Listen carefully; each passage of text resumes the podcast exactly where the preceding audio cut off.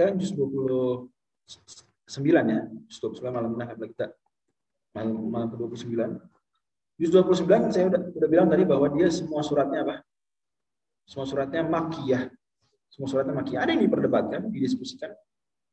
Seperti surat Al-Insan, didiskusikan panjang. Al-Insan ini makiyah atau madaniyah. Yang roji wallahu a'lam adalah makiyah. Wallahu a'lam. Uh, surat pertama surat Al-Mulk. Surat Al-Mulk tema besarnya adalah uh, pengaturan alam semesta di tangan Allah. Pengaturan alam semesta adalah oleh Allah Subhanahu Maka di dalamnya ada Allah Subhanahu wa taala sebutkan bagaimana dia menciptakan langit dan bumi, bintang bagaimana fungsinya, kemudian bagaimana orang yang tidak beriman akan dimasukkan neraka, bagaimana Allah mengatur neraka. Bahkan burung saja terbang di atas langit itu Allah yang atur. Seperti itu. Surat Al-Mulk. Uh, surat berikutnya surat Al-Qalam. Surat Al-Mulk kata kuncinya tentu tabarakalladzi biyadihil mulk. Itu kata kunci di surat. Ingat, saya sudah bilang bahwa uh, setiap surat punya tema besar. Dan setiap surat ada ayat kunci yang mendukung tema besar tersebut. Kemudian ada ayat-ayat supporting sentences atau supporting verses. Ayat-ayat yang mendukung tema besar. Selalu ingat ini. Jadi setiap surat punya tema besar.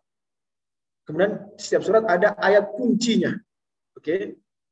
Kemudian setiap surat juga punya apa? Ayat-ayat pendukung. Jadi sisanya ayat-ayat yang lain mendukung tema besar tersebut. Dan ini untuk sampai ke titik itu itu memang butuh tadabbur yang dalam, tapi terbukti banyak yang berhasil menemukan dan pada akhirnya itulah sebagaimana kata Imam Ar-Razi inna al-Qur'ana kasuratil wahidah litisali ba'diha bi ba'din Al-Quran itu seperti satu surat. Saking nyambungnya alur Al-Quran. Malah kata beliau, bal kal ayat wahidah. Malah seperti satu ayat. Insya Allah, itu beliau bilang itu dalam kitab Tafsir Kabir, kata Imam Razi. Al-Quran seperti satu surat, bahkan seperti satu ayat. Oke. Surat Al-Qalam. Surat Al-Qalam, surat kedua turun setelah Al-Alaq. Jadi Al-Alaq dulu lima ayat, kemudian surat Al-Qalam awalnya turun kedua. Itu yang benar seperti itu. Dan Anda bisa bayangkan, melihat dari awal-awal pembukaan surat ini, tema besarnya adalah berakhlak mulia. Tema besarnya adalah berakhlak mulia. Apa ayat kuncinya kira-kira?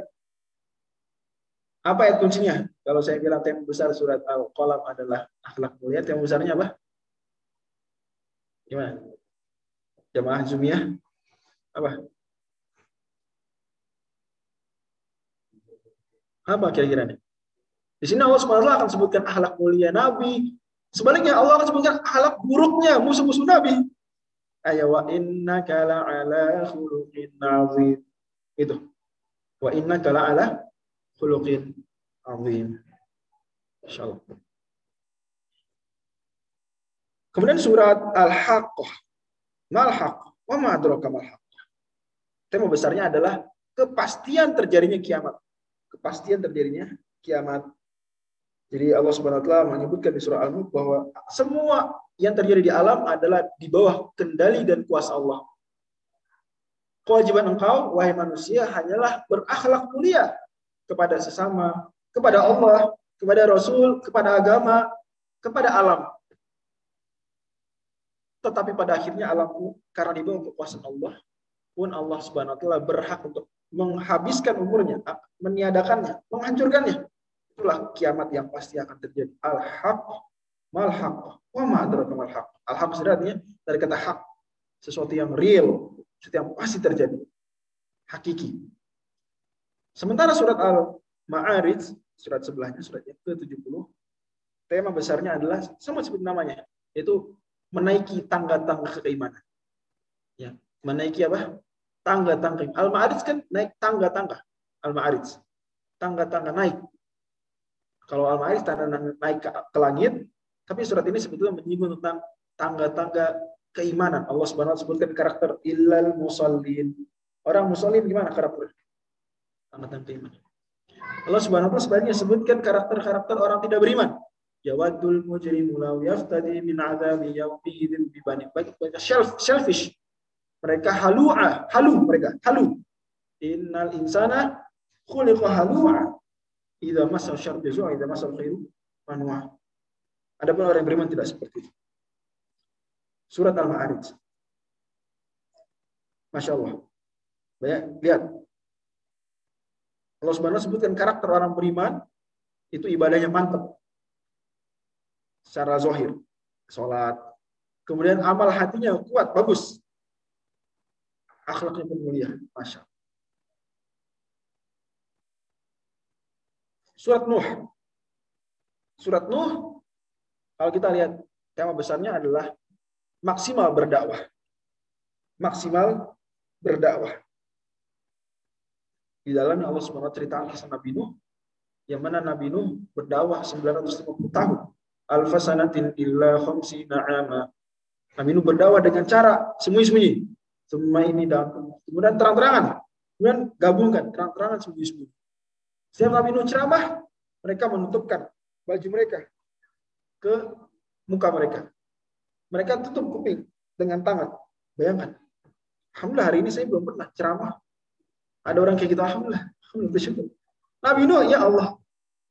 Mungkin orang sekarang, Ustadz sekarang kalau ada kayak gitu mungkin aduh, down sekali. Saya ada yang tidur aja, jamaah tidurnya itu down. ya Allah. Ya berarti saya nggak nggak menarik ceramahnya. Ada yang tidur. Gitu. Ada yang main HP aja, saya sendiri astagfirullah. Mungkin salah saya dulu. Pernah mungkin ada ustaz ceramah saya buka HP mungkin. Tapi Nabi Nuh, masya Allah Nabi Nuh apa? Terus berdakwah. Meskipun ada yang kayak gitu tutup kuping malah. Saya ingat, masya Allah, saya kuliah di satu negara itu dosen nerangin dia pakai headset dengerin yang lain. Astagfirullah. Semoga Allah berikan taufik. Tapi masya Allah, dosen terus semangat, terus semangat, terus. Itu teladan juga dosen. Siang malam Nabi Nuh berdakwah, datang. Dakwah, dakwah terang-terangan, dakwah di depan umum, dakwah sembunyi-sembunyi. Mungkin kalau hari ini dia berdakwah juga di masjid, dia juga dia datang ke rumah tetangga, bawa martabak, kemudian ngobrol. Mungkin begitu. Ya gitu ya. Harus kayak gitu dakwah, ada juga saatnya datang ke rumah yang kita dakwahi, bawa martabak, ngobrol. Mungkin dia selama ini nggak pernah sholat, nggak pernah mungkin. Dia datangin tak ngobrol. Mungkin setelah ngobrol, ngopi, mungkin habis itu mau sholat. Gitu ya, seperti itu. Ini saya sendiri di, di saya sedang berusaha mengamalkan itu. Berusaha uh, kalau ada bapak-bapak yang nggak pernah sholat, padahal sudah saya lewat depan rumahnya dia pergi ke masjid, dia nggak sholat. Nah, ini saya sedang sudah coba beberapa kali. Alhamdulillah ada yang berhasil, ada yang masih belum tergerak. Datang ngobrol kita, gitu, ngobrol, bawa kopi, bawa seperti itu, bawa martabak. Oke, okay. surah Al-Jin.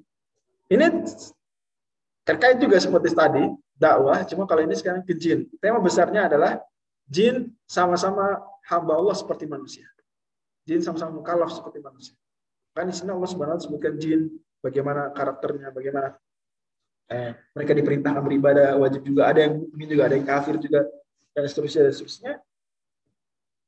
Uh, banyak hal yang menarik seperti surat ini hanya waktu batasi kita.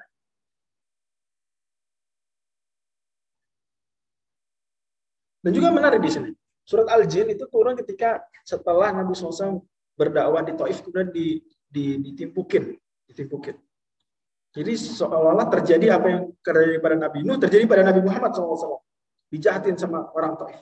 Maka Allah turunkan atau Allah SWT dan takdirkan ada kisah jin masuk Islam.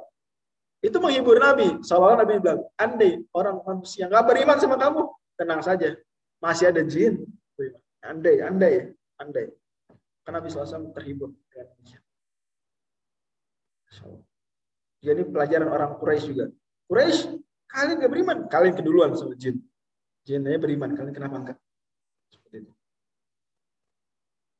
Surat Al-Muzammil. Tema besarnya adalah persiapan pradakwah. Persiapan pradakwah pendakwa itu mendakwakan dia sedang mentransfer tidak hanya ilmu tapi mentransfer iman. Mentransfer apa? Iman. Dan berarti kalau mentransfer ilmu ngapain dulu? Ustadz harus ngapain? Kalau mau transfer dulu harus ngapain dulu? Belajar dulu kan? Pertanyaan saya, kalau Ustadz mau transfer iman ngapain dulu? Berarti harus menguatkan imannya dulu. Agar adik bisa ditransfer. Maka saya minta maaf kalau datang pengajian saya iman tidak bertambah berarti salah saya berarti. Saya berarti tidak mentransfer iman dengan baik. Tapi mudah-mudahan datang pengajian Ustaz lain, ada iman yang bertambah. Makanya Allah Subhanahu wa taala ini persiapan pra dakwah. Allah suruh Nabi Qiyamul Karena Qiyamul itu menguatkan keimanan. Inna nasyatal laili asyad wa tawafun Nabi disuruh ngaji. Pendakwah harus ngaji lah. Apa yang mau didakwahin? Kalau dia sendiri tidak terkuatkan dengan Al-Quran, Al-Quran charger besar terhadap iman. Kita rasakan, kita nggak ngerti Quran aja nambah iman, apalagi ngerti. Dan seterusnya, dan seterusnya. Ada pun surat Al yang surat yang ke-74 Al-Muddathir, maka ini adalah kalau tadi pra dakwah ini saat dakwah. Ya, bagaimana berdakwah tapi saat pas dakwahnya. Jadi surat kita coba alur dari awal lagi. Surat uh, Al-Mulk bahwa alam semesta itu di bawah kendali Allah. Tidak perlu khawatir. Yang perlu kamu fokuskan adalah bagaimana berakal yang mulia. Surat 68 mempersiapkan hari kiamat yang pasti akan terjadi. Dan agar kamu derajat tertinggi di hari kiamat, surat 9, surat 70 sekarang, maka kamu harus jalani tapaki tangga-tangga keimanan. Sempurnakan keimanan kamu. Luar dan dalam. Surat 70. Dan jangan lupa juga ketika engkau sudah mendapatkan keimanan, engkau punya kewajiban dakwah. Telah darilah Nabi Nuh dalam berdakwah. Surat 70. Dan andai manusia tidak percaya sama kamu, tidak nurut tidak kamu, tenang. Pada akhirnya ada pula yang akan mengimani engkau. Yaitu para jin. Tenang saja. Artinya pesannya mungkin kalau kita, kita mungkin nggak tahu ada jin terima dakwah kita atau enggak, kita nggak tahu. Tapi pesannya adalah bahwa berdakwah dakwah aja. Akan ada yang nerima. Akan ada yang terima. Akan ada yang mendapatkan manfaat. Kata Allah gimana di surat Az-Zariyat, fa'in dzikra tanfa'ul mu'minin kasih peringatan saja. Kalau ada poster dakwah, ya share aja, kalau share itu harus kita pertimbangkan juga frekuensi dan bikin membosankan. Seperti tadi kita sore-sore ada pengajian, bahwa Nabi SAW kalau ngasih nasihat seling-seling, nggak setiap hari. Artinya juga kita kalau bikin poster dakwah atau uh, share poster dakwah juga ya perlu perhatikan jangan setiap hari karena nanti orang uh, khawatir bosan gitu. Ini pilih-pilih juga, apalagi sehari sampai 10 gitu ya. Saya sampai tinggal titik dong apa tuh uh, lingkaran WhatsApp-nya itu juga pikir-pikir. Kalau jualan mungkin lain cerita ya, tapi kalau nasihat itu yang coba dipikir-pikir. Uh, artinya ada frekuensi tertentu. Tapi intinya perjuangan. Kalau dia Nabi Nuh, terus tenang jangan khawatir berdakwah, akan ada yang menerima. Surah Al-Jin. Tapi kamu ingat, juga harus maksimal persiapan pra dakwahnya. Dan juga harus maksimal bagaimana saat berdakwah. Surat 74. Soal kiamat menegaskan lagi tentang surat Al-Haqqah itu hari kiamat pasti akan terjadi, akan koma. Kalau Al-Haqqah hak uh, kiamat akan koma, kiamat akan takum, akan terjadi. Maka di surat Al-Qiyamah ini Allah Subhanahu wa taala menegaskan pentingnya ada hari kiamat. Kok gitu? Kenapa penting hari kiamat? Karena kata Allah, ayah sabul insanu ayyun sudah ayat 36. Apa manusia kira dia akan dibiarkan saja? Layu maru walayunha, enggak diperintah, enggak dilarang. Tafsiran itu maksud. Enggak mungkin. Gak mungkin Allah Subhanahu Wa Taala ciptain manusia, kemudian gak ada pertama jawabannya. Itu manusia bisa berbuat sesuka hati kalau nggak ada kiamatnya nggak? Andai nggak ada kiamat, saya yakin ngapain kita itikaf? Ngapain kalau nggak ada kiamat? Nah, nggak ada hidup akhirat ngapain? Saya sih ngapain? Nggak ada hidup akhirat ngapain itikaf? Bener nggak? Ngapain dengerin saya ngomong kalau nggak ada hidup akhirat? Ini nonton YouTube, main bola, apa yang senang-senang dunia. Tapi karena kita ada iman pada hari setelah ini, kehidupan ini, the next life, ya hereafter. Maka kita kemudian menjalankan hidup. Pun gitu. Kalau nggak ada hari akhirat, ngapain takut bikin dosa? Bikin dosa aja. Sembunyi-sembunyi kayak nggak ada yang tahu. Tahu juga nanti nggak ada hari kiamat, nggak ada akhirat. Tapi enggak. Ayah sabul insan ayyus sudah. Kalau manusia kira dia akan dibiarkan begitu saja. Masya Allah. Masya Allah. Dan ada yang menarik di surat Al-Qiyamah itu Allah bahas kiamat dari awal sampai akhir. Tapi di tengah-tengah lo itu bahas, bahas apa? Bahas Quran. Menarik. Bahkan banyak ulama bingung. Apa munasabahnya? Gitu. Banyak sampai bingung. Apa munasabah? Banyak yang mikir lama. Sebagian lagi sebagian bilang bahwa di sini Allah SWT sebenarnya sedang bahas kiamat. Hanya saja kemudian saat Jibril menyampaikan wahyu, ada momen tepat sekali untuk mengingatkan Nabi SAW agar menjaga adabnya bersama Al-Quran. Yaitu ketika Jibril sedang, sedang membacakan, jangan buru-buru ngikutin. Adabnya dengerin dulu. Itu ibarat seorang guru, guru fisika sedang nerangin fisika, misalnya sedang nerangin uh, bahwa usaha adalah gaya dikali jarak W sama dengan W eh, F kali S gitu. Terang bla. Terus tiba-tiba ada murid main HP. Eh, kamu simpan dulu HP-nya. Ya, Bu, ya, Bu, maaf, Bu. Ya. Oke, jadi teman-teman sekalian, tadi kita sudah ah jadi gitu sedang ngajar fisika, di tengah-tengahnya ada orang main HP, ditegur. Tapi balik lagi ke pelajaran, sama. Allah Subhanahu wa taala bahas kiamat, kiamat, kiamat. Di tengah-tengahnya Nabi SAW kurang ideal adabnya terhadap Al-Quran. Ya, maka Jibril negur dulu. Tentu ini melalui takdir Allah dan firman Allah. Allah negur dulu. La tuharrik bihi lisana kalita ajalabi inna alaina jam'ahu wa. Dan seterusnya. Habis itu baru balik lagi ke bahas kiamat. Tapi sebetulnya ada juga munasabah yang lain, itu betul. Artinya munasabah munasabah ta'limiyah atau munasabah i'tiradiyah. Tapi bisa juga dibayangkan munasabah yang lain yaitu bahwa untuk menghadapi kiamat kita perlu punya guidance. Apa guidance kita Al-Qur'an.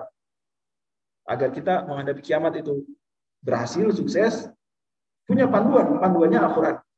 Dan terhadap panduan tersebut harus apa? Harus beradab, harus beretika. Paham ya? Maka disebutkan. Wallahu misal. Uh, surat Al-Insan. Jadi surat Al Surat Al-Insan menjelaskan tentang tingginya derajat manusia. Jadi meskipun Allah bilang jin pun bisa beriman, ya sama hamba seperti lain, tapi manusia istimewa. Manusia istimewa. Bahkan manusia yang soleh lebih tinggi derajatnya daripada malaikat. Saya lagi, manusia yang soleh lebih tinggi derajatnya daripada malaikat. Surat Al-Insan. Ada banyak hal menarik di sini, kita skip. Surat Al-Mursalat terakhir dari juz ke-29 adalah tema besarnya peringatan Allah Subhanahu wa taala kepada manusia. Peringatan Allah kepada manusia. Wailu yawma idzil lil mukadzibin. Diulang 10 kali. Celaka orang yang tak percaya. Jadi Allah ngasih peringatan kepada manusia. Gak percaya, siap celaka. Celaka. Celaka. Maka seperti itu juz 29 Allah wa mengatakan bahwa semua alam semesta dibawa oleh Allah, tidak perlu khawatir. Surat 67. Tugas engkau hanyalah untuk bagaimana berakhlak dengan baik, meneladani akhlak Nabi SAW, meneladani Al-Quran, surat 8. Karena pada akhirnya itulah yang akan membawa kepada keselamatan di hari kiamat yang pasti akan terjadi. Surat 69. Dan tinggikanlah terus derajat engkau dalam keimanan agar semakin tinggi derajat engkau di akhirat kelak. Surat 70. Dan di antara yang meninggikan derajat, menguatkan keimanan adalah berdakwah di jalan Allah seperti Nabi ini lakukan surat 71. Kalau tidak ada yang menerima dakwah kau, tenang, dakwah pasti bermanfaat. Surat Al-Jin 72. Dan jangan lupa persiapan sebelum berdakwah 73 dan persiapan bagaimana maksimal saat berdakwah 74. Kemudian Allah ingatkan lagi bahwa jangan sampai dakwah kamu tujuan duniawi, dakwah kamu tidak ikhlas. Dakwah kamu harus dakwah yang ikhlas, dakwah agar mencapai kejayaan dan keunggulan di akhirat kelak. Surat Al-Qiyamah, surat 75. Karena pada akhirnya manusia, jika dia soleh, dia akan jauh lebih mulia dari mana pun. Surat 76. Dan ini semua yang Allah sampaikan di 29 dan di semua Quran adalah peringatan dari Allah SWT kepada manusia, maka celakalah bagi orang yang tidak percaya. Wailun yawma idzin mukadzibin. Allahu Dan demikian teman-teman. Nah, hari ini eh, nggak uh, bisa banyak pertanyaan jawab ya. Allah